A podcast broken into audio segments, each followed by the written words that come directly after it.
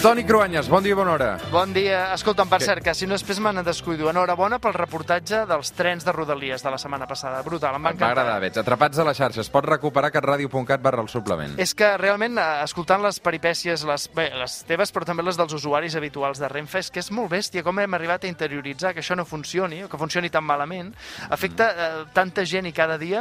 Per tant, una denúncia en tota regla mm, i realment molt bons aquests reportatges que feu, Roger. Enhorabona. Gràcies, Toni, com sempre. Avui, eh, per això, no parlarem de trens, tot i que sí parlarem d'un altre mitjà de transport. Encara més ecològic, fins i tot. Avui, amb el Cruanyes, la bicicleta. Andreas Kron, ciclista danès de l'equip Loto, és el primer líder de la volta després de superar Luis León I aquest que sentim és un fragment del podcast Ràdio Volta que fa el company d'esports d'aquesta casa, l'Isaac Vilalta. Aquesta setmana s'ha corregut o s'ha pedalat l'edició número 100 de la Volta Ciclista a Catalunya. Una bona excusa, eh, excusa Cruanyes, avui per, per parlar de la bici, eh? Sí, és, és curiós, eh? però eh, aquí, a Catalunya, la tradició ciclista és molt antiga. Les grans competicions, clar, són el Tour de França, el Giro d'Itàlia, la Vuelta a Espanya també, i Catalunya està ben bé al mig eh, d'aquests tres països amb tanta afició històrica a la bicicleta, però no sempre ha estat així. Avui, però, no parlarem gaire de voltes ni de tours, sinó de bicis, que és eh, una alternativa saludable, sostenible als cotxes i les motos. És potser segurament el transport del futur, o del present ja. Per tant, comencem pel principi.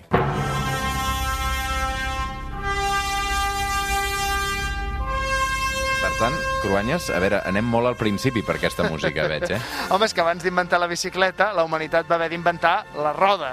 I el descobriment de la roda es considera com un dels grans moments de desenvolupament de la història, com el descobriment del foc. És impossible saber què va portar a un humà o a un grup d'humans a fixar-se en alguna cosa natural que els donés la idea d'una roda. Potser en veure rodolar una pedra, o potser amb les boles de neu, o amb, amb troncs de llenya, no ho sabem. De fet, la roda, Toni, es va inventar de manera independent a diverses cultures i en diferents llocs del món, no? Sí, per nosaltres, com gairebé sempre, la primera referència és a Mesopotàmia. Estem parlant del voltant de l'any 4000 abans de Crist. És on van néixer les primeres civilitzacions agrícoles, ramaderes, comercials, allà hi va haver les primeres ciutats. El següent pas, que és utilitzar la roda ja en un carro com a ajuda per la tracció animal per fer desplaçaments, ja és l'any 3500 abans de Crist. Estem parlant de la ciutat d'Ur, actualment això és a l'Iraq.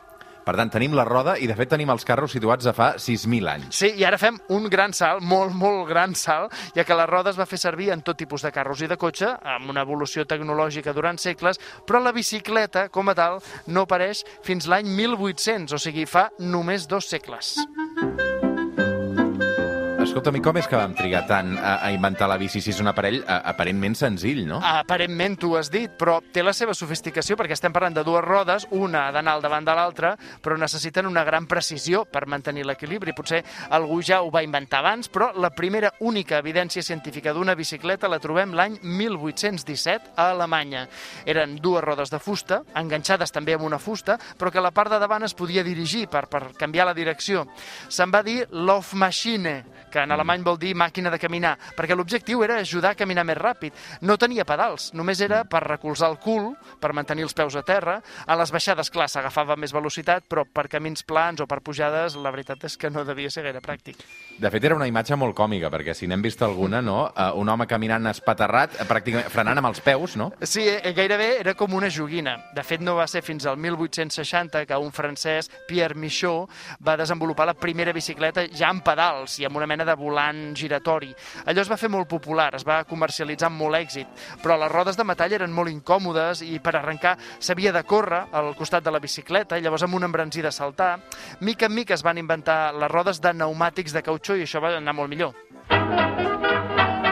I, de fet, la bici es va posar molt de moda a París, a Londres o també als Estats Units. Sí, diríem que els hipsters de finals del segle XIX es van enamorar de les bicicletes. N'hi havia amb una roda enorme al davant i una de petita al darrere, potser ho han vist en alguna fotografia antiga. Era un model molt popular entre els victorians britànics. També després es va desenvolupar el primer model pensant en les dones, eh, molt popular perquè les dones podien anar en bicicleta, tenien molta més mobilitat física, ja que no depenien del cotxe del marit per moure's. De fet, les primeres feministes del segle XX li van arribar a dir la màquina de la llibertat. Però en paral·lel es van desenvolupar els tricicles, també els vehicles a quatre rodes. I a Occident es va començar ja a, posar, a apostar pel que seria el cotxe. I, de fet, el cotxe va guanyar la cursa a la bici. Sí, eh, fins l'Alemanya dels anys 30, per exemple, que veiem que eh, la resta d'Occident va passar després, els cotxes es van popularitzar entre les classes mitjanes. Per tant, anar en bicicleta va començar a ser considerat de pobre. Només se'n fabricaven per als nens, no per adults. En canvi, la Xina comunista, de després de la Segona Guerra Mundial, sí que va adoptar la bicicleta com a vehicle oficial del país. Tothom es desplaçava de casa a la feina en bicicleta. L'any 1958 la Xina fabricava un milió de bicicletes per any i, de fet, ara fabrica el 60% de les bicicletes del món, la majoria ja per l'exportació, clar. Mira, Queen també, que va dedicar una cançó a la bici. Uh, escolta'm, què va passar perquè a Occident la bici tornés a posar-se tan de moda? Toni? Home, això, que Queen, que Freddie Mercury als anys 80 dediquessin una cançó a la bicicleta, ens pot donar una mica una pista. I és que els nens, que després serien adolescents i després joves, es van convertir en consumidors en una societat cada cop més basada en comprar i en les modes i en els estils de vida moderns i atractius. Els adolescents americans i britànics es van identificar amb les bicicletes. La bicicleta que ha volat més alt és la que portava ET, l'extraterrestre, pel cel, davant d'una enorme lluna que Steven Spielberg va convertir en l'anunci de bicicletes més efectiu del món. Aquella imatge d'ET a la cistella de la bici que volava era tota una icona de, del cine de- d'una època, no? Sí, i nosaltres aquí també vam tenir la versió més canyí d'aquest fenomen. Escolta això, a veure si et sona. Home, això és Verano Azul, que els de la meva generació no ho van veure, però la teva sí, eh? És que, Roger, tu ets massa jove, ja ho veig. Verano Azul va marcar-nos a unes quantes generacions de nens i nenes. Aquella Espanya de la transició, dels anys 80. La base era un grup d'adolescents que es passaven tot l'estiu anant en bicicleta amunt i avall. I d'aquells adolescents de, dels anys 80 arribem als hipsters dels anys 2000. Sí, i del 2000 fins pràcticament a l'actualitat. Aquesta és la situació en què ens trobem. Cada vegada és més estesa perquè sí que va començar a generalitzar-se amb el canvi de segle aquesta idea que la bicicleta és més sostenible. Va començar als països nòrdics i ara s'està extenent a totes les ciutats d'Occident. Aquesta consciència ecològica, el desig també d'estar en forma, que fa que cada cop més gent utilitzi les bicicletes per desplaçar-se de manera habitual. Per això, encara que avui hem repassat la seva història, jo auguro que la bicicleta el que té és un gran futur com a mitjà de transport.